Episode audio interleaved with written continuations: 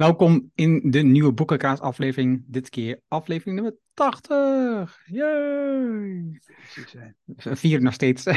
Ongelooflijk. Miljardairs onder de guillotine. Op zoek naar alternatieven voor het kapitalisme. Dat is het boek um, in beeld op de camera als je een video kijkt. En het boek is van George Routers, een schrijver, um, journalist voor Vrij Nederland. Journalist is de betere typering dan een schrijver.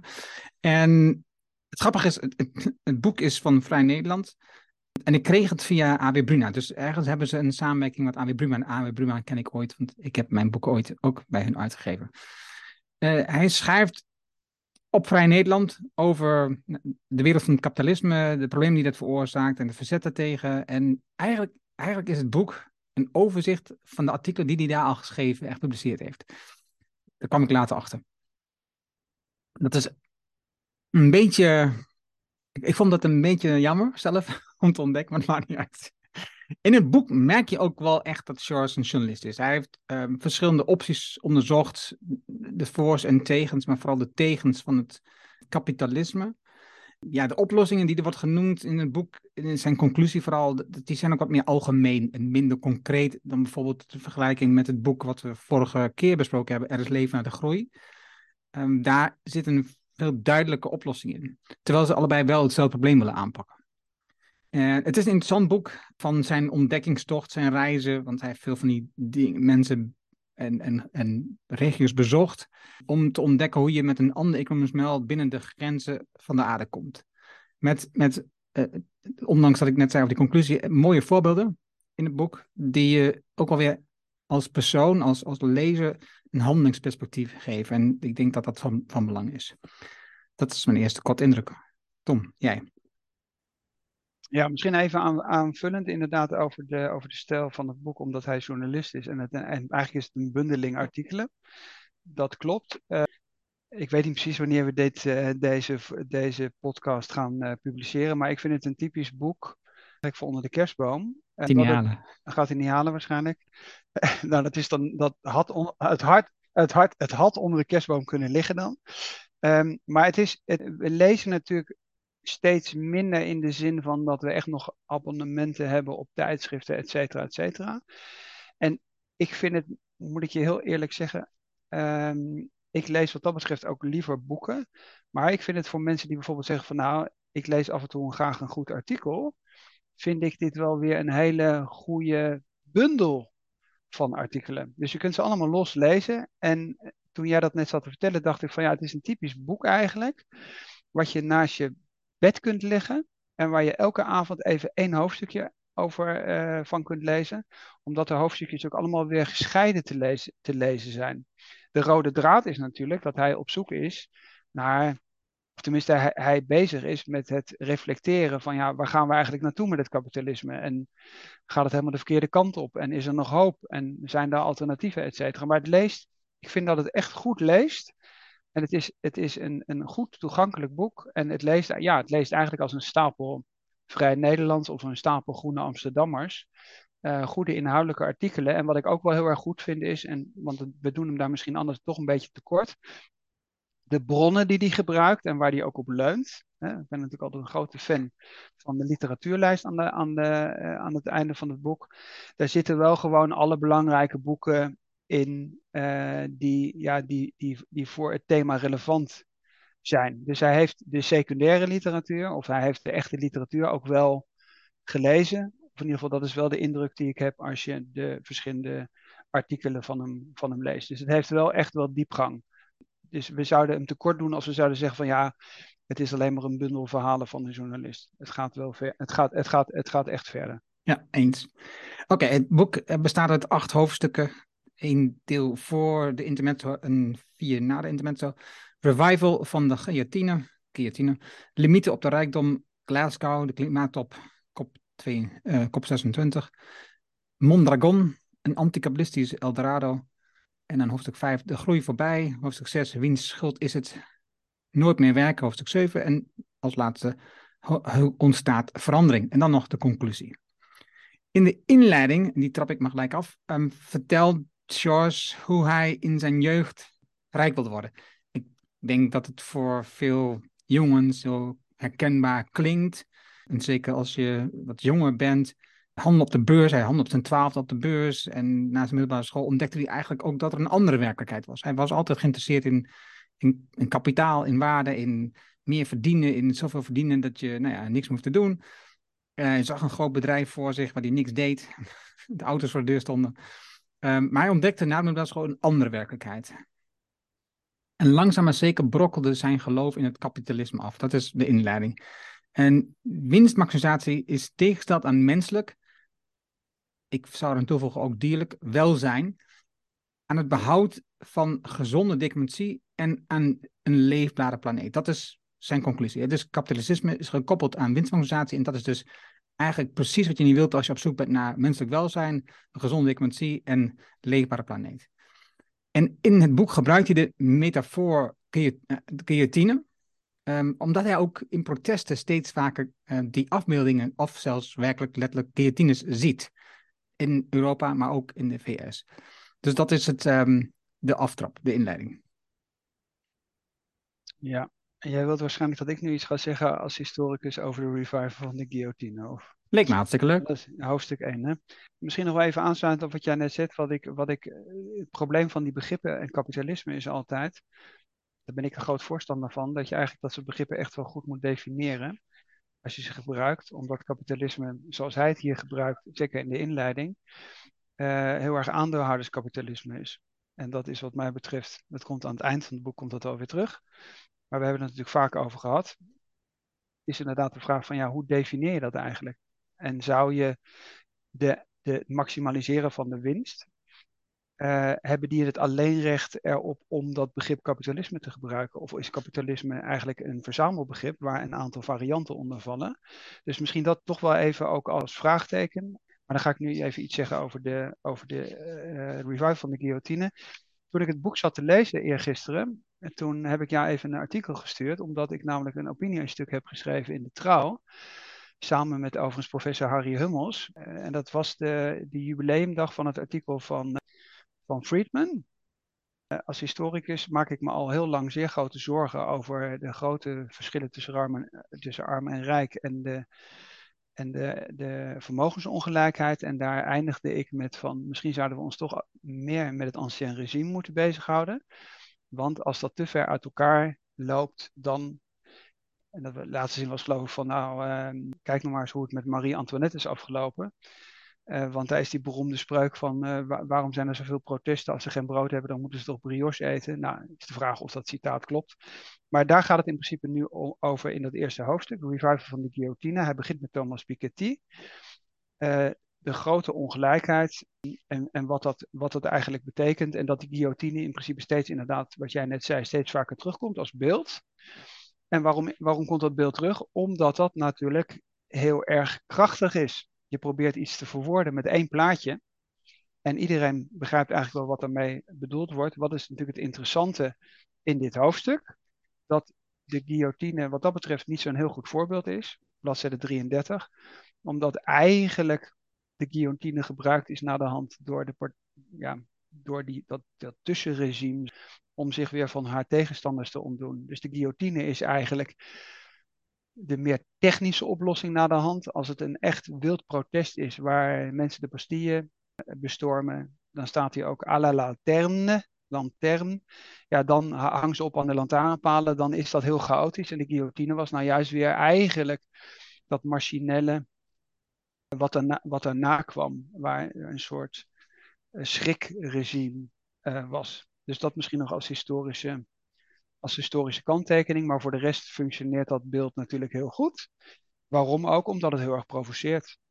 Dus dat is natuurlijk ook uh, iets wat provoceert en waar mensen heel erg boos over worden. Dat heeft een groot effect. Dus daarom wordt het op dit moment graag gebruikt als burgers, we pikken niet langer. Dat is een beetje waar het op neerkomt. En dat, en dat ligt hier met twee dingen toe. Uh, is een aantal dingen, maar twee dingen die ik naar voren heb gehaald voor mezelf was... Tijdens de pandemie hebben veel mensen een inkomen verloren. Vooral vrouwen en jongeren. Het verlies van de inkomens halverwege de pandemie was ongeveer 3,7 biljoen. En in diezelfde tijd werden de biljonairs, de miljardairs van de wereld, 3,9 biljoen rijker. Het is dus logisch dat mensen langs mijn opstand komen. Uh, we krijgen steeds minder en de rijken worden steeds rijker. Dat, dat, is, dat is de financiële kant. En daarnaast heb je nog de ecologische kant. Want sinds het klimaatakkoord van Parijs in 2015 ging er 3300 miljard dollar aan subsidies naar de fossiele industrie. Terwijl we eigenlijk de andere kant op moeten. Dus het is geen wonder dat het ecotourisme toeneemt. En we hebben het al eerder over gehad, in, onze vorige afleveringen, uh, over bijvoorbeeld die uh, activisten die zich vastlijmen aan een weg of aan een schilderij. Maar het is eigenlijk, als je daarnaar kijkt, er is veel discussie over, nu veel ophef over, maar het is eigenlijk vreemd dat er niet nog veel acties zijn. Hoe ernstig het de afgelopen tien jaar is toegenomen. Jij bedoelt ecoterrorisme. Je zegt je zet toerisme. Het is op zich wel een oh, sorry. grappige Freudiaanse op de verspreking. Maar dan gaat het over ecoterrorisme. Wat, wat, wat, wat, wat, wat misschien natuurlijk hier nog eh, relevant is, want er komen allerlei voorbeelden dadelijk ook wel. Wat je natuurlijk altijd hebt, is dat je kunt best een hele ongelijke verdeling hebben, maar zolang de onderste laag nog steeds normaal kan leven, uh, is de kans dat de boel explodeert natuurlijk veel geringer. Maar in een crisis waar in één keer, neem bijvoorbeeld nu actueel energieprijzen, maar dat kunnen ook andere dingen zijn. In het verleden is het brood of benzine of wat dan ook geweest. Waar de mensen in één keer dan niet meer net nog kunnen overleven. Maar er dus onderkomen. Ja, daar uh, is het geval, daar is de kans dat het kruidvat dan ontploft uh, heel groot. En vanmorgen zag ik als eerst een van de eerste meldingen dat je natuurlijk in een hele moeilijke situatie terecht beland, uh, terechtgekomen bent. Want als die inflatie sterk stijgt, maar de bedrijven maar beperkte winstmarges hebben, omdat heel veel uitgehold is of heel veel bedrijven uh, het ook best wel lastig hebben op dit moment. Ja, dan is de vraag van wat, wat doe je dan in hemelsnaam? Een hele hoop bedrijven kunnen helemaal niet in één keer 5 of 10 procent van hun salarissen aan hun medewerkers verhogen. Dat kan in de dienstverlenende industrie, et cetera, kan dat wel. Maar als je als bijvoorbeeld, ik noem maar wat, in de handel waar je misschien een marge van 2% hebt, daar kun je niet de salarissen van de mensen in één keer met 5 of 10% verhogen. Dus dat is een hele precaire situatie waar we nu in beland zijn. Dan heb je het onderwerp limiet, limieten op de rijkdom. En dus, het is een, een, een, ik vond het een apart onderwerp. En dat komt in het hoofdstuk naar voren. Je aan de ene kant heb je dus uh, duidelijk, iedereen snapt dat het goed zou zijn dat er een grens zou zijn aan hoeveel geld een mens zou mogen bezitten. Uh, en als je mensen vraagt, hebben ze ook nog best wel een beeld um, uh, wat dat ongeveer zou mogen zijn. En dat is veel lager dan de top 1% nu bezit, voor duidelijkheid. Wat we dan lastig vinden is hoe dat moet organiseren. Bijvoorbeeld een flinke belasting invoeren op erfenissen. Dat zou een goed middel zijn. Hè? Dus dat het geld niet wordt doorgegeven aan volgende generaties. Maar daar zijn de meeste mensen dan op tegen. Ik weet niet zo goed waarom dat zo is, maar dat is niet, dat is niet helemaal duidelijk geworden. Maar ja, dat, dat, is wel apart. Maar niet bijvoorbeeld uh, Prins Bernhard zien, die in uh, Nederland veel huizen bezit. Net als veel andere investeerders overzien in huis investeren. En dat komt omdat als je naar het kapitalisme-achtige achtergrond kijkt, is dat dus wonen ondertussen een manier is geworden om veel geld te verdienen. In plaats van te, te laten wezen wat het was. Een uh, eerste behoefte van de mensen. Gewoon een dak boven je hoofd. In het kapitalisme zien we dat de basisbehoeften, mensen, dieren, uh, wonen, zorg, wordt gewoon gezien als een middel om geld mee te verdienen. En de rijkste 10% van de wereld, voor duidelijkheid, daar vallen wij in Nederland ook onder, zijn verantwoordelijk voor 9% van de CO2-uitstoot. Dus een drastische koopkrachtvermindering van de allerrijkste is een effectief en eenvoudige manier om klimaatontwrichting te verhelpen, zegt ook Piketty. Dat haalt hij hier aan. Hebben we ons in het vorige boek ook over gehad, want daar voert hij namelijk um, Paul Schendeling een heffing in op consumptie. Alleen hij doet dat op een andere manier. En wat hij met een idee komt, wat hij onderzocht heeft, is een super rich tax. Dus iemand die daar ook een platform op gezet waar je kunt, een petitie kunt tekenen. Um, zodat je op een bepaald vermogen niet verder kunt groeien. dus je hebt, eh, als je zeg maar dat je 20 miljoen hebt, en, dan stopt het gewoon. Bill Gates geeft als voorbeeld, die heeft gezegd, mijn kinderen krijgen gewoon niet meer dan 100 miljoen. It. Niet dat 100 miljoen weinig is, maar het is ook niet 1 miljard, wat hij wel had kunnen geven bijvoorbeeld. Een interessant idee, wat die nog ook poneert in het hoofdstuk, is een eenmalige crisisheffing. En dus, eh, dat kan worden ingevoerd in crisissituaties, hè, dus met oorlog en zo, dat wel eens gebruikt, uh, waarbij je dus een confiskerende belastingstarief invoert. En dus dan neem je, omdat je in een crisissituatie, neem je in één keer heel veel geld weg bij mensen. Nou, dat zou, dat zou in mijn optiek best wel een goed idee kunnen zijn om vanwege de milieucrisis de rijkste 1% in één keer heel veel hun vermogen weg te nemen, wat je kunt inzetten om het milieu aan te pakken. Of de armoede of de honger. Dat, dat zijn best wel ideeën om aan de slag te gaan. Alleen ja, die markt, die mensen hebben natuurlijk veel, ehm, veel macht ondertussen. Het is niet eenvoudig. Ja, eh, er komt ineens dus heel veel geld vrij als je dat organiseert, wat je dus kunt inzetten voor de crisissen waar we op dit moment in zitten. Wat ik nog wel een belangrijk punt vond, wat hij meeneemt, is op bladzijde 50. Dat hij ook dat hij laat zien, dus de insteek is natuurlijk van oké, het is juist voor de, voor de mensen die, die niks hebben, en dat is meer dan de helft van de bevolking, zou het veel beter zijn als er een betere verdeling zou zijn. Maar, wat is nou juist zo interessant, en ik ben blij dat hij dat heeft gedaan, op bladzijde 50 zegt hij ook dat voor de mensen die zelf heel erg rijk zijn, het ook helemaal niet, helemaal niet goed is. Nou, en dat is even het bruggetje van Bill Gates. Dus Bill Gates merkt, zegt wel van, nou ja, miljarden overdragen aan mijn kinderen, dat is uh, niet zo'n goed idee. Maar, en dat wordt hier vind ik een keer, dat zie je niet vaak dat het zo goed uitgelegd wordt. Dus dan heeft hij, bezoekt hij dus een hoogleraar, die Rob Bijns. En die loopt naar de kast en haalt het boek daaruit van, ik kan die naam nooit uitspreken, van die Amerikaans-Hongaarse psycholoog, die ook dat boek Flow heeft geschreven. Dus probeer het, Mihaly Csikszentmihalyi of zo, ik weet niet precies hoe het uitspreekt. Ik kan het dus niet. En dan staat hier, elk uur dat superrijke werken komt overeen met een enorme toename van hun vermogen. Bovendien ligt het werk altijd te wachten, dus zij ervaren hun tijd als extreem duur. En dat is eigenlijk de kern. Zij ervaren hun tijd als extreem duur. Dat betekent dus dat ze bij ogenschijnlijk triviale dingen, die alledaagse mensen doen, dus hele andere mensen, naar een verjaardagsfeestje gaan, de hele zondagmiddag zitten keuvelen met mensen, wat small talk. Rijken hebben het gevoel dat ze daar geen tijd voor hebben. Terwijl deze sociale relaties uiteindelijk zijn wat mensen echt gelukkig maakt. Als je eenmaal boven een bepaald minimum bestaan of bestaansminimum zit. Nou, en dan zegt hij naar de hand ook, citeert hij nog iemand, dat hoor je natuurlijk ook heel veel van, van psychiaters, et cetera. Maar dan staat hier in het Engels dan, my clients are bored, are often bored with life. Het is natuurlijk als jij geen doel hebt en je hebt eigenlijk alles gekregen van je ouders. En je weet eigenlijk helemaal niet, je kunt het ook helemaal niet beter doen dan je ouders. Je hebt, helemaal, je hebt eigenlijk helemaal geen zingeving. Je weet eigenlijk helemaal niet wat je eigenlijk met, die, met je tijd aan moet, et cetera. Dus dat is eigenlijk het grote recept voor ongelukkig zijn. En dat is misschien wel iets om over na te blijven denken. Omdat je dus uiteindelijk de rijken daar ook een dienst mee zou bewijzen. Of in ieder geval de erfgenamen. Als je dus veel meer Hè, daar gaan we het ook over hebben in het boek van Michael Sandel. Uh, die, die sociale mobiliteit is iets heel belangrijks. Als je wilt dat mensen gelukkig worden, moeten ze net voldoende hebben. Voldoende onderwijs, bestaansminimum, dat ze zelf iets van hun leven kunnen maken. Als je mensen ongelukkig wil maken, moet je ze vol stoppen met geld.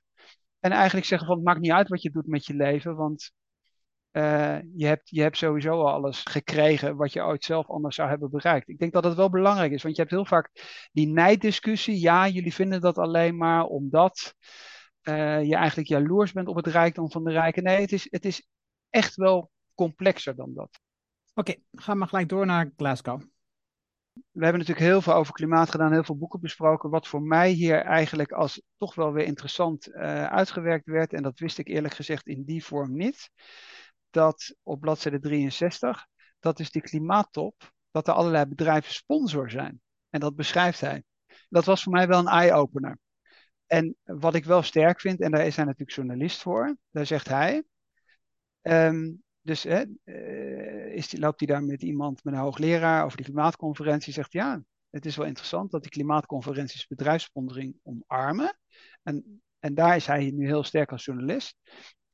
Uh, en hij, hij, citeert, hij citeert die man dan. Andere grote bedrijfsbijeenkomsten, of grote bijeenkomsten van de Verenigde Naties doen dat niet.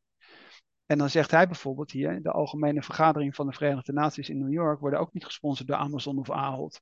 Wapenproducenten mogen de VN-Mensenrechtsraad ook niet sponsoren. Nou, dat vond ik wel heel sterk. Want daardoor wordt dat ook wel heel erg beeldend. Dat je zegt, hoe kan het eigenlijk dat de internationale conferentie exact gesponsord wordt door de vervuilers. Dat vond ik echt, uh, echt, echt sterk in dit hoofdstuk. Ja, en dan zit je dus een stuk greenwashing wat hij daar ook laat zien. Hè? Dus Microsoft staat daar bijvoorbeeld met een hele mooie ecologische stand van, van karton. En daar, wijzen, daar hebben ze het de hele tijd over. En tegelijkertijd, Microsoft die ondersteunt dus oliebedrijven om meer olie te grond te halen. En dus dat, daar halen ze een heel groot deel van hun geld naar binnen. En dat, dat gesprek had hij met David White. En dat is ook wel een bijzonder uh, mooi. ja, ik vond het een mooi uh, onderdeel in dat, in dat hoofdstuk. Uh, hoe die ook langs die bedrijven gaat in, in, in Glasgow. Ja, wat misschien, misschien ook nog wel belangrijk is, omdat dat, ik heb, we hebben dat nu al een paar keer zien terugkomen in, in, in de boeken, maar dat is omdat wij zo gefocust op dit moment ook met dat thema zijn, is bladzijde 72, waar hij ook weer een keer uitlegt, net zoals andere auteurs dat ook, dat dat hele idee van die personal footprint, dat dat een, een idee geweest is van het reclamebureau van BP, 2004. Daar staat hij, waarom zouden grote, grote bedrijven uh, die taak van het vingerwijzen op zich nemen. Hè? Waarom zouden ze op zichzelf wijzen? Nee. Dus dan zegt hij hiervan, omdat het, omdat het een zeer succesvolle marketingstrategie is. Het hele concept van je individuele koolstofvoetafdruk, CO2-footprint, is bedacht door het reclamebureau in 2004 in opdracht van BP. Ze hebben een reclamecampagne van 250 miljoen dollar tegenaan gegooid om te zorgen dat het concept zou blijven plakken. Het, het, zou zich nestelen in onze hoofden met succes. 17 jaar later beheerst het idee nog steeds het publieke debat. En dat zie je bij ons, het komt later in het boek ook weer terug, maar het gaat elke keer erom van ja, wat is, wat is eigenlijk jouw individuele footprint? Of uh, vlieg jij nog wel als je met vakantie gaat met je familie? We hebben het niet over Tata Steel en dat soort dingen. Dat legt hij hier nog wel een keer heel goed uit. Ja. En dan komen we in de intermezzo's meteen nog wat terug. Um, in dit hoofdstuk ook nog drie stappen om het kapitalisme af te schaffen. Want hij legt het vooral nu bij de corporates neer. Dat is waar, waar, wat hij zegt. Dat is de complexe corporate structuur afbreekt. Want omdat die structuur zo ingewikkeld is, al bedrijven aan elkaar gekoppeld. Dus, het ene bedrijf staat in, in Glasgow, de volgende zit in, heeft een brievenbus in Nederland en de volgende op de Cayman-eilanden. En dan is het zo ingewikkeld dat het niet meer te de grond is voor, voor buiten te staan. Dus ook producten worden overal op de wereld gepubliceerd. Dus, dus je kunt niet zien waar eigenlijk um, arbeidsrecht wordt gewaardeerd of niet of uh, mensenrechten zeg maar, worden geschonden. En dat, omdat je eigenlijk uiteindelijk geen idee van je product wordt geproduceerd. De onschendbaarheid van investeerders en aandeelhouders opheffen, dat is nummer twee. Want ja, als ik als aandeelhouder in een bedrijf investeer, het bedrijf doet in die tijd dat ik aandeelhouder ben dingen die eigenlijk niet zijn toegestaan of die uh, verschrikkelijk zijn voor de mensheid.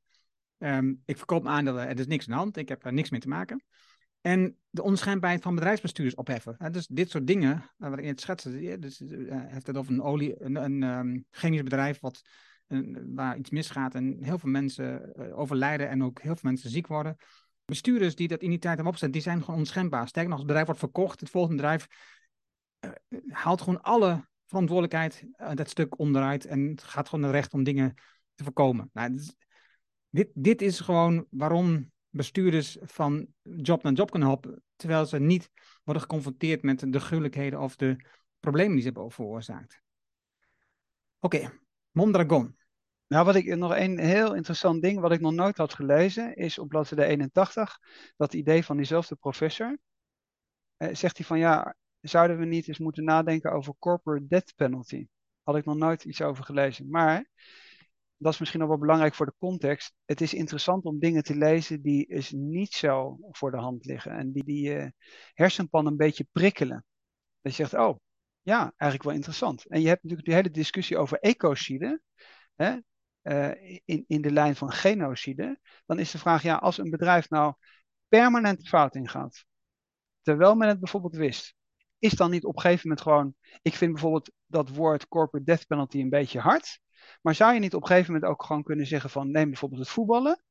Als jij nou een paar keer de gele kaart krijgt, dan word je ook gewoon van het veld gestuurd. Dus je zou het ook een beetje sympathieker kunnen formuleren en zeggen van nou, de maatschappij is een voetbalveld.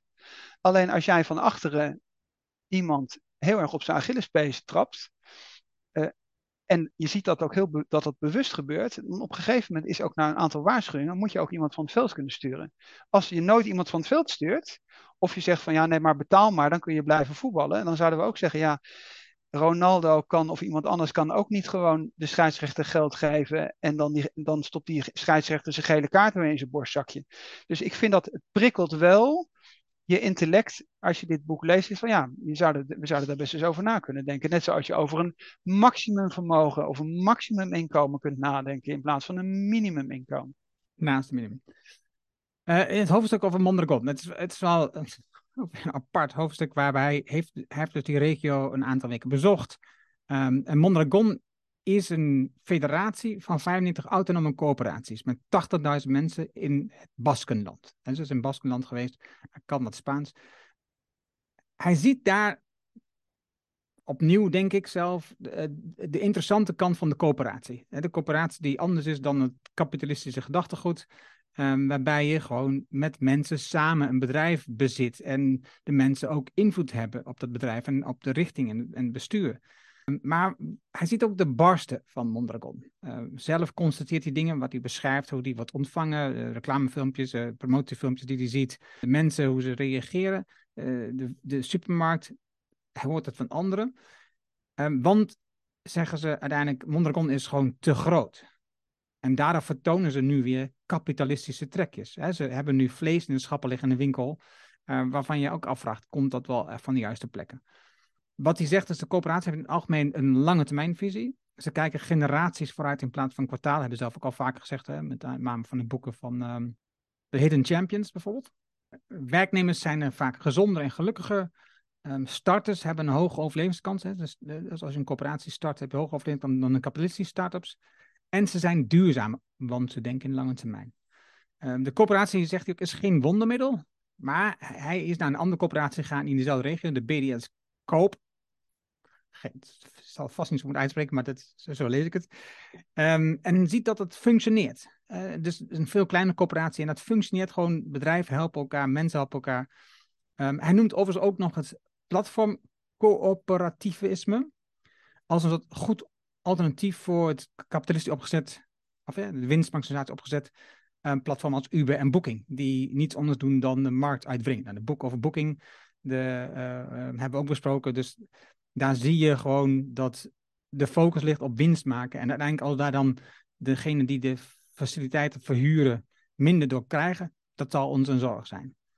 Um, dat hebben we ook al eerder besproken in het boek Hire. En dat dacht ik een paar keer aan toen ik las, dacht ik, hé, hey, dus Hire is eigenlijk misschien wel een veel gaaf voorbeeld, wat namelijk heel succesvol was nog steeds op dit moment. Maar was geen coöperatie. Oh, frek. Dat is het. Daarom niet. We zien in Nederland ook goede voorbeelden. Um, zelf ben ik we zijn lid geworden van Land van Ons, waar uh, land wordt gekocht, uh, wordt ook genoemd. Uh, broodfondsen zijn in opkomst, nou, een tijdje. Um, je hebt ook wind- en zonne-energie coöperaties, waar mensen gewoon capaciteit en, en windturbines kopen gezamenlijk. Dus er zijn heel veel interessante ja, coöperaties die we gewoon als voorbeeld kunnen nemen, dat het dus anders kan dan de traditionele manier. Ja, wat ik, wat ik wel jammer vind is dat die uh, als je draagvlak wilt creëren. Dat gedeeltelijk doet hij dat. Maar er zijn gewoon bepaalde voorbeelden. Dus wij hebben het ook over een internetprovider, et cetera. Er zijn gewoon bepaalde dingen waar het niet zo geloofwaardig is dat dat soort dingen op den duur functioneren. En dat is voor zo'n Uber-appje geldt dat bijvoorbeeld ook.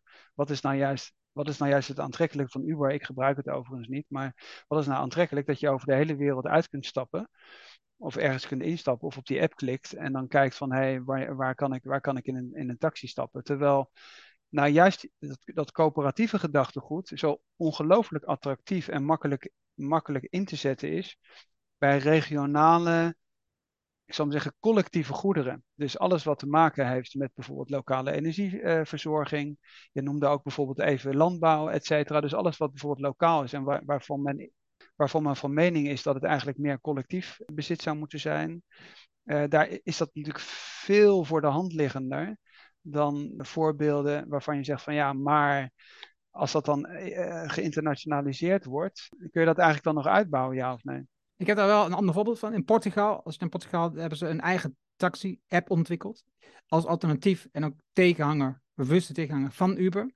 Um, die gewoon taxis gewoon een eerlijke kans geven. Dus waarbij de coöperatieve gedachte er veel dieper in zit. En die heel, die heel succesvol is in Portugal. Dus ik denk dat je heel goed dit soort dingen in een nationaal niveau best goed kunt organiseren met elkaar. Ja, dat kan wel. Alleen als je bijvoorbeeld veel internationaal uh, toerisme hebt, dan is dat bijvoorbeeld weer lastig. Dus ik, ik, wat je elke keer ziet, is dat er uit wordt geweken naar dit soort dingen. Terwijl je eigenlijk gewoon kunt zeggen, je hebt gewoon bepaalde wetgeving. Dus uh, dat zie je natuurlijk in bepaalde takken van die flitseconomie komt die discussie nu op. Dat je zegt van waarom waarom moeten bedrijven zich niet gewoon aan bepaalde regels houden als ze ergens actief zijn? Dat betekent dat dat businessmodel en de voordelen van zo'n businessmodel best intact kunnen blijven, maar dat mensen gewoon op de loonlijst moeten staan. Dus dat je helemaal niet kunt zeggen, we hebben helemaal geen werknemers. Dus, maar goed, dat even als... Uh... Oké, okay, uh, de intermezzo. De mythe van de consistentie. En ik pak deze bewust even, want het raakte mij behoorlijk, dit hoofdstuk. Uh, ik weet niet of wat jij het vond, maar dat gaan we zo meteen ervaren. Veel van de gevoelens die ik op dit moment heb, die, die noemt hij hier exact. Het is wanneer je uitspreekt over het kapitalisme of bijvoorbeeld over het milieu, dan wil je eigenlijk daar zelf ook consistent gedrag in vertonen. En dus als je zegt, ik ben tegen, uh, ik wil dat we verminderen en ik wil dat we uh, consumptiegedrag veranderen en dus veel minderen, en dan zou het raar zijn dat je zelf heel veel consumeert. Dus als je bent voor een beter milieu, dan is het raar dat je zelf op korte afstanden gaat vliegen. Dus consistent gedrag bij wat je zegt, wat je zegt dat je dat ook gewoon doet, dat is, dat is heel normaal. Maar ja, we hebben ondertussen te maken met vliegschaamte of vleesschaamte, um, die ook versterkt wordt door polarisatie. Dus als iemand iets zegt, en pas geleden hadden we dus die, dat, die blokkade van het stuk Schiphol waar die privévliegtuigen uh, landen en opstarten. En die werden dus die mensen die daar die blokkades uh, waren, die werden persoonlijk op social media gefileerd, omdat zij ook wel eens hebben gevlogen. En dus mensen worden bewust bekeken hoe consistent is eigenlijk een gedrag. En dat wordt dus onder een vergrootglas gelegd en ook, en ook ja, bekendgemaakt. En dat is een beetje raar, want het is natuurlijk vanuit, zeg maar, vanuit het kapitalisme is dat natuurlijk een hele slimme tactiek. Want ja, zo, zo wordt het voor jezelf bijna onmogelijk om je te uiten. En wat, als je continu in de discussie bent met jezelf, is dit wel consistent met wat ik zelf vertel en doe? Dan kun je eigenlijk nooit meer tegen iets uitspreken, want er is altijd iets te vinden wat niet consistent is. Het leven is ook niet consistent, de wereld is niet consistent, dus het is heel ingewikkeld. En als laatste zegt hij dan op, uh, tenminste dat zegt eigenlijk Melissa um, van Woonprotest, zolang we naar elkaar wijzen, um, bevragen we het systeem niet. En zolang een veganist zegt dat een vegetariër nog niet, genoeg nog niet goed genoeg bezig is, zijn we niet bezig met de verandering. Zijn we gewoon bezig met elkaar um, met vingers te wijzen. Dus als we het systeem willen veranderen, dan moeten we proberen elkaars keuzes achter de voordeur, zoals dat noemt, accepteren. Dus ik vond het een uh, bijzonder intermezzo en het raakte mij persoonlijk. Ja, wat ik heel goed vond is op bladzijde 125 legt hij het eigenlijk in twee, drie zinnen legt hij het heel goed uit. Omdat het namelijk een, klassiek, uh, een klassieke situatie is.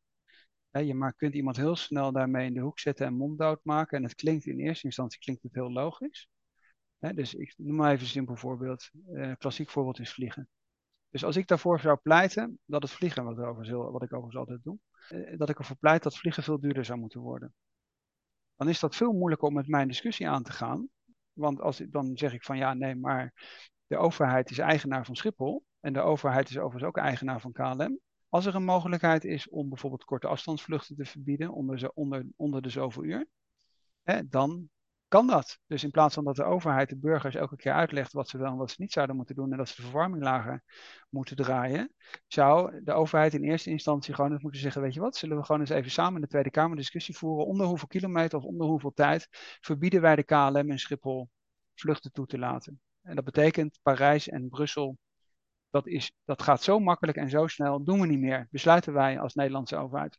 Als dat nou uit mijn mond komt, dan gaan mensen op mijn LinkedIn-profiel kijken en zeggen: Tom, jij woont in Zwitserland. Je bent in Nederland ondernemer. Hoe kom je eigenlijk van Zurich naar Amsterdam? En dan zeg ik: Nou, ik stap af en toe in het vliegtuig. Omdat namelijk 12 uur één richting. Met enorme vertragingen op het Duitse net. Ik heb het overigens geprobeerd. Dat gaat dus niet werken. Dat red ik dus niet.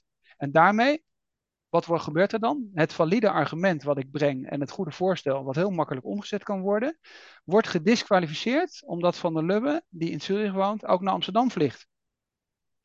Maar daardoor is het argument niet minder valide. Wat beschrijft hij hier op 125? En dat sluit even aan bij dat voorbeeld.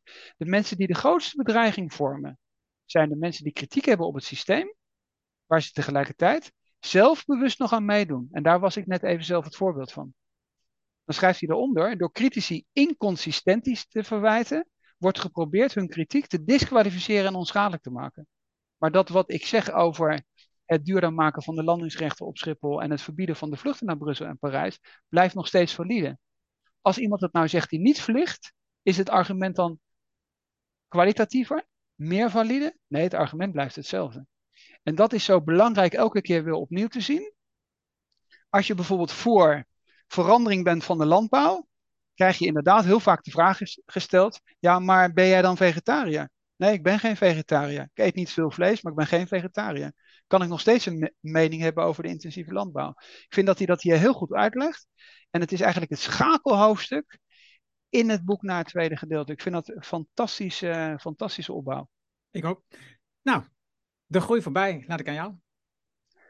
Ja, de groei voorbij. Dus ik zou maar zeggen, voor de mensen die al vaker naar ons horen, eigenlijk gaat het om krimpen. Minder is meer. Uh, de juiste mensen worden geciteerd. Jason Hickel moeten we overigens ook nog een keer uh, bespreken in het boek.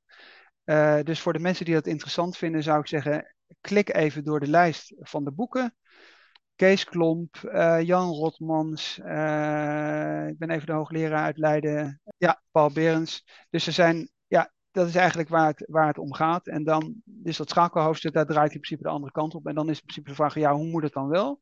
Nou, en dan zijn er een aantal hoofdstukken. Uh, en dan is dat minder, minder groei, is het, is het eerste daarvan. Ja, we moeten krimpen. Ja, en hij geeft dan fantastische voorbeelden. Uh, de levensverwachting van de Amerikanen die een stuk lager is van de landen die op de helft of 50 minder uh, inkomen hebben of minder BBP hebben. Dus om aan wat de waarde is van het BBP. En noemt Costa Rica als, als meest opvallend voorbeeld hierin. Gemiddelde levensverwachting van 80 jaar, maar een, zeg maar een 80% lagere BBP dan de VS per persoon. Um, en tegelijkertijd scoren ze heel hoog op de Human Development Index uh, en blijven ze binnen de ecologische grenzen als land. Dat zijn allemaal heel bewuste keuzes die de overheid gemaakt heeft. Want ze waren ook het eerste land wat de IDG's uh, eh, implementeerde in, in hun overheid. En zij investeren in publieke voorzieningen, zoals gezondheidszorg, onderwijs, huisvesting, in plaats van het uitlaten buiten het kapitalistische systeem. Dus de voorbeelden zijn er. en, en, bijvoorbeeld, hoeveel is genoeg inkomen? Want daar hebben we het ook altijd over, als je dan praat over het moet minder. Nou ja, in de VN heeft berekend dat de meeste landen met minder dan 10.000 dollar per persoon uit kan. Met uiteraard daarnaast dat je goede sociale voorzieningen hebt en um, de behoeften vanuit, ook vanuit de overheid georganiseerd worden. Binnen de ecologische grenzen. Het wereldwijd gemiddelde BBP per persoon is op dit moment zelfs 17.600. Dus daar ligt het niet aan. Het is er gewoon, het geld. Dus dat is niet het probleem. Ja, en het, de postgoliebeweging die gaat echt om, om twee dingen.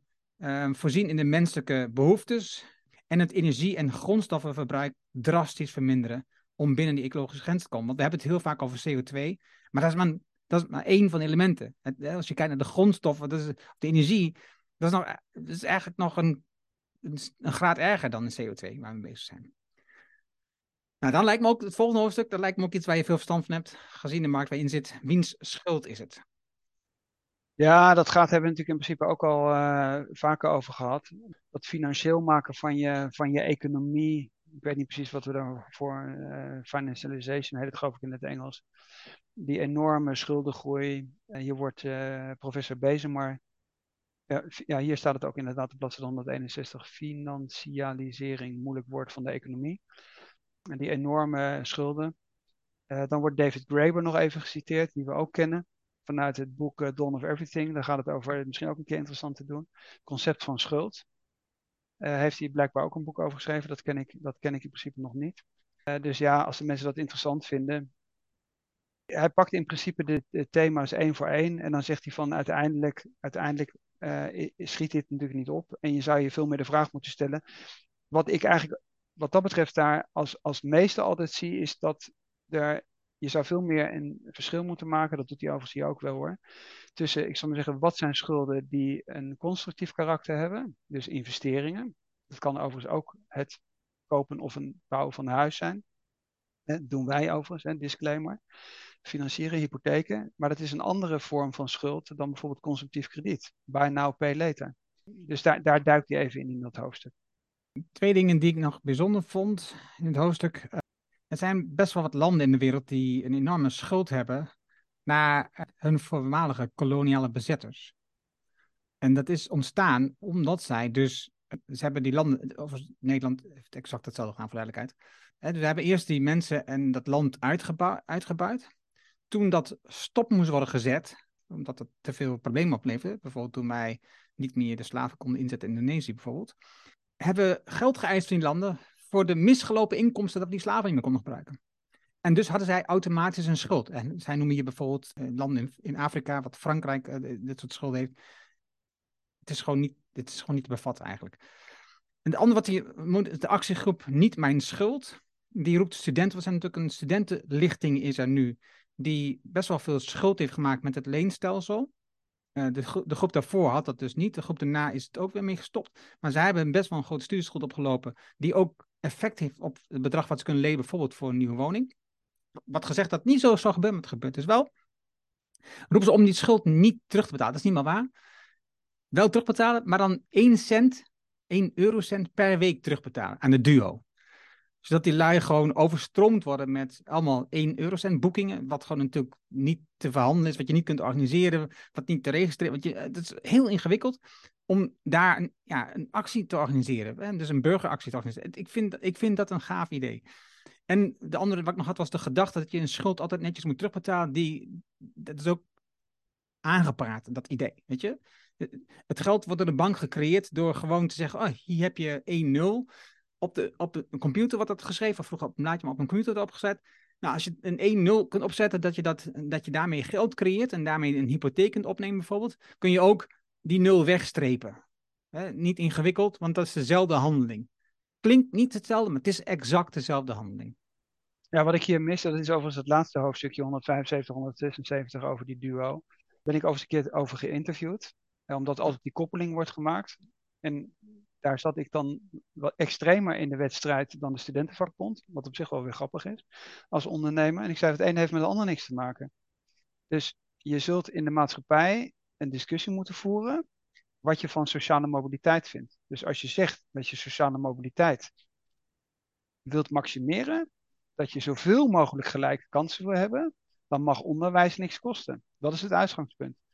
Die discussie zou je moeten voeren. Dus niet van we hebben studieschulden, maar en omdat mijn studieschulden zo zijn, tel ik ze liever niet mee bij het verkrijgen van een hypotheek. Nee, laat je niet op die manier framen, zou ik zeggen, tegen de studenten. Maar zet op de agenda: is het eerlijk dat geld sociale mobiliteit belemmert? Nee, dat willen we niet. We willen eigenlijk dat willen we een land, willen we een land zijn van gelijke kansen.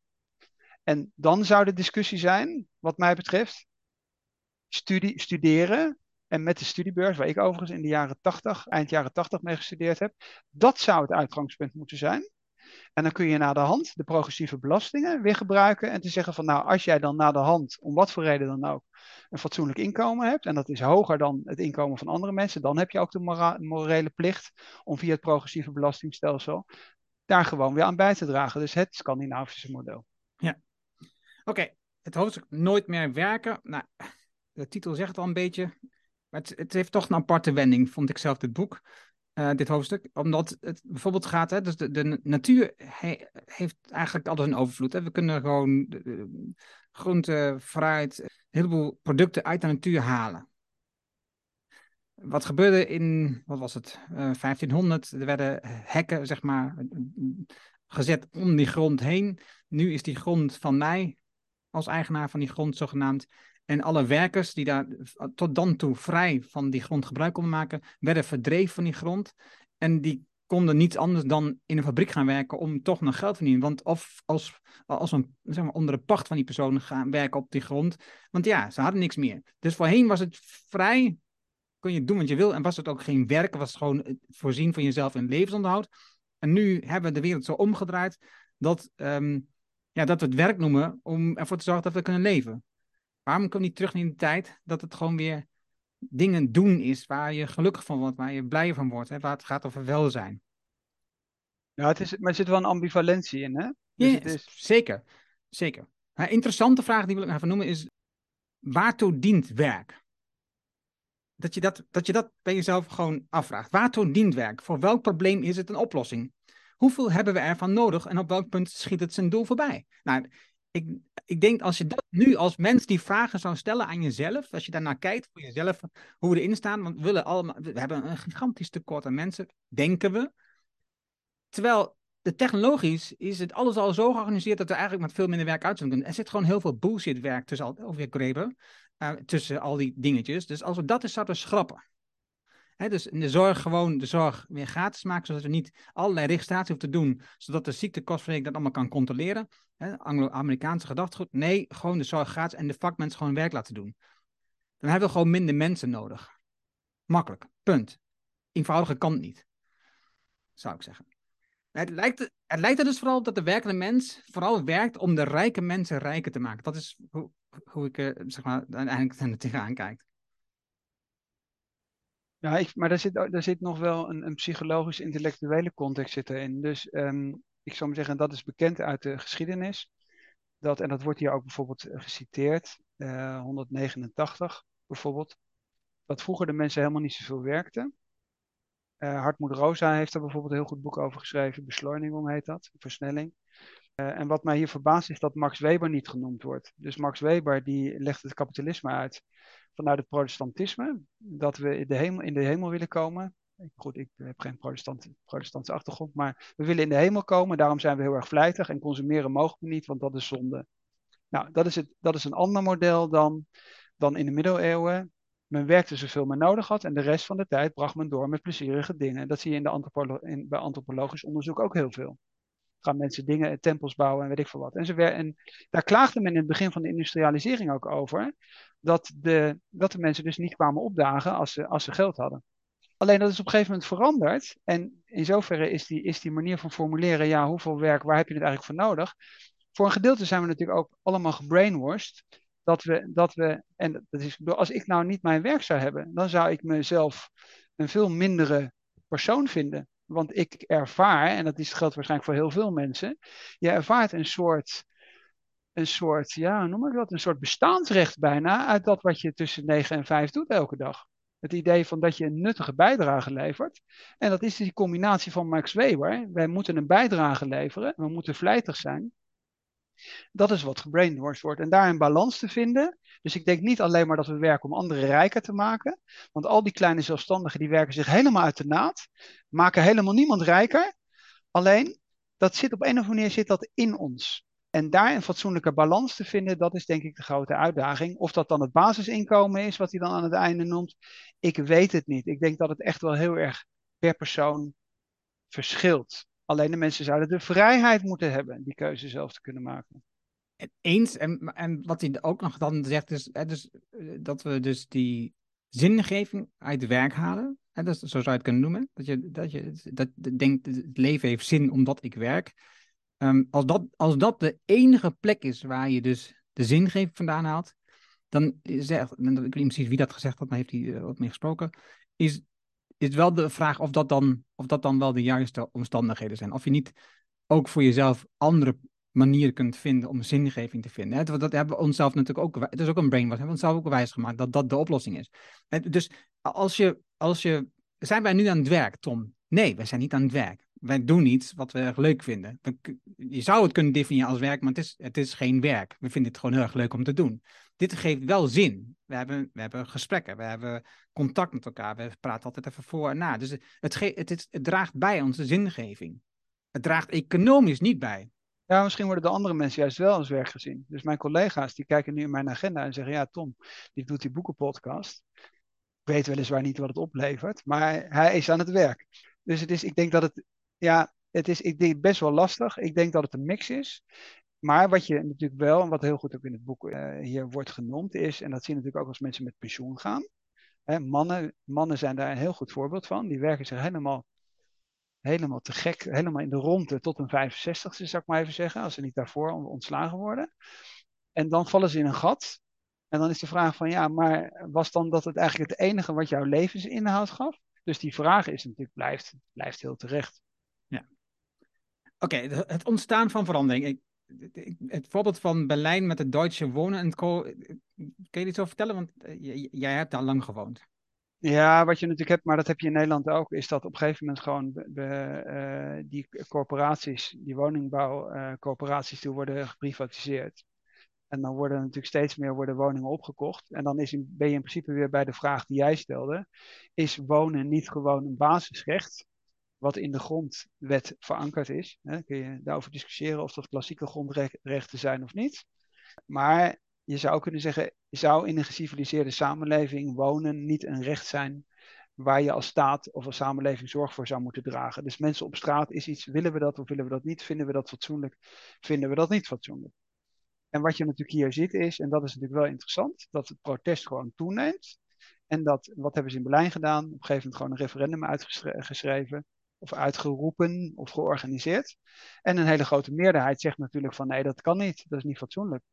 En ik denk eerlijk gezegd dat als je dat referendum in andere landen doet, dat je exact dezelfde uitkomst hebt. Omdat de mensen op zich wel aanvoelen dat er iets de verkeerde kant op is gegaan. Dit is het voorbeeld. Dus dat je die, die, die bewegingen overal krijgt. En die heb je in allerlei verschillende gradaties. Maar je zult ze zeker met betrekking tot het thema wonen de komende jaren nog veel vaker zien terugkomen. In Nederland had je dat woonprotest. Dat gaat door alle partijen. En dat is natuurlijk wel interessant. Het is niet een thema dan van links of van rechts. Nee, omdat iedereen geconfronteerd wordt met het probleem dat er te weinig en betaalbare woonruimte is. Ja. Ja, wat ik het, zoals ik het zag, de, de belangrijkste conclusie van het hoofdstuk is gewoon sluit je ergens bij aan. Als individu heb je eigenlijk geen invloed, maar wil je iets bereiken, wil je dat er uh, iets gebeurt met de actie, sluit je ergens bij aan, verenig je dan kun je echt iets bereiken. Met coöperaties, burgerinitiatieven, uh, dit soort acties uh, van Duitse Wonen Co. Dan gebeurt er tenminste iets. Hè. We zien veel initiatieven ook in Nederland. We hebben het er vaak gehad over hè, Eva Rovers met haar uh, burgerinitiatieven. dit moet heel groot worden. Dat heeft heel veel mensen nodig, wil het loskomen. En heel veel, 3,5% is verzorgd al voor een enorme verschuiving. Oké, de conclusie. Om te ontsnappen aan het kapitalisme ziet George drie hoofdlijnen. Economische democratie, Oftewel met coöperaties en progressievere duurzame belastingstelsel. Het ontcommercialiseren van de wereld, nummer twee. Stop met eurotekens plakken op elk ding, levend wezen op de planeet. En het onprivatiseren en publieke voorzieningen uitbreiden. En de derde is de alternatieven van kapitalisme ontdekken en verspreiden. Oftewel de winnaar takes all gedachte ontkrachten met onder andere corporaties. Dat um, is de conclusie van. Ja, wat ik nog wel heel erg interessant vond is, omdat dat echt wel over een soort grens gaat waar het, waar het een beetje ongemakkelijk wordt. Dat is eh, het hoofdstukje oliepijpleidingen opblazen. En daar refereert hij aan een boek van een, ik ken hem niet, van een Zweedse milieuhistoricus Andreas Malm. Dat boek heet How to Blow Up a Pipeline. En dat, daar werd het, werd het een beetje oncomfortabel, vond ik. Maar dat is natuurlijk precies wat je eigenlijk nodig hebt. Dat je zegt van ja, zolang jullie allemaal netjes uh, zegt van ja, dat je het ergens niet mee eens bent, et cetera. En misschien ergens uh, een petitie ondertekent, dat gaat de verandering niet worden. Ja, juist weer dat die historische context. Wanneer zijn echte veranderingen doorgevoerd in het verleden? Hè? Dus afdwingen van, van uh, sociale wetgeving, algemeen kiesrecht, et cetera. Dat is uiteindelijk als mensen echt op de straat, de straat op zijn gegaan.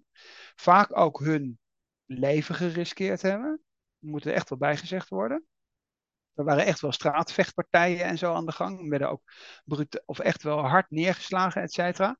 Maar dat heeft toch elke keer wel weer de doorbraak gegeven. Dus wat is mijn persoonlijke, maar ik denk van veel mensen, een enorme frustratie. Dat we zien dat er wat moet gebeuren. Dat de politiek eigenlijk niet reageert op die terughoudende, fatsoenlijke petities, protesten, et cetera.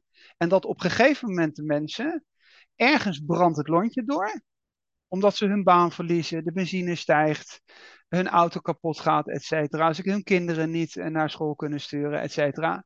En dan is op een gegeven moment, ik denk aan de film van uh, Vastbinder, uh, Her Amok. Op een gegeven moment brandt het lontje door. En de vraag is, willen we dat niet eigenlijk met z'n allen voorkomen? Zouden we eigenlijk niet meer die verantwoordelijkheid moeten pakken om het op een vreedzame manier op te lossen?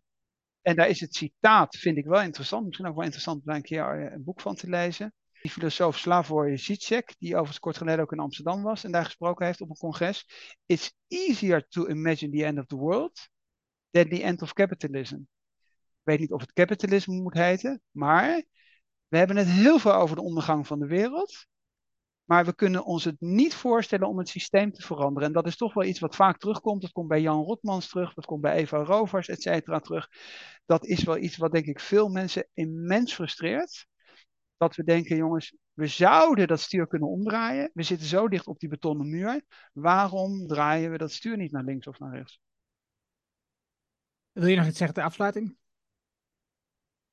Ik eindig positief met een fantastisch citaat van Mandela, wat we allemaal kennen. Always, it always seems impossible until it's done. Ik vind dat voor iemand die zo lang in de gevangenis heeft gezeten, nog steeds een van de dingen waar ik immens respect voor heb. Dat je dat, je dat optimisme kunt weten behouden. En ik zit hier comfortabel een boekje te lezen s'avonds en ben gefrustreerd. En ik denk van nou, misschien zou ik toch vaker naar Mandela moeten luisteren. Dan was dat hem. Dankjewel voor het luisteren. Echt, wij vinden het super om dit te doen. Al is het maar omdat wij met elkaar weer een boek hebben gelezen deze week en dat met elkaar kunnen bespreken. Maar we vinden het fijn dat je naar luistert. En nou, graag tot de volgende. Dankjewel, Tom. Dankjewel, Erno. Ja, en onze collega's denken dat we aan het werk zijn.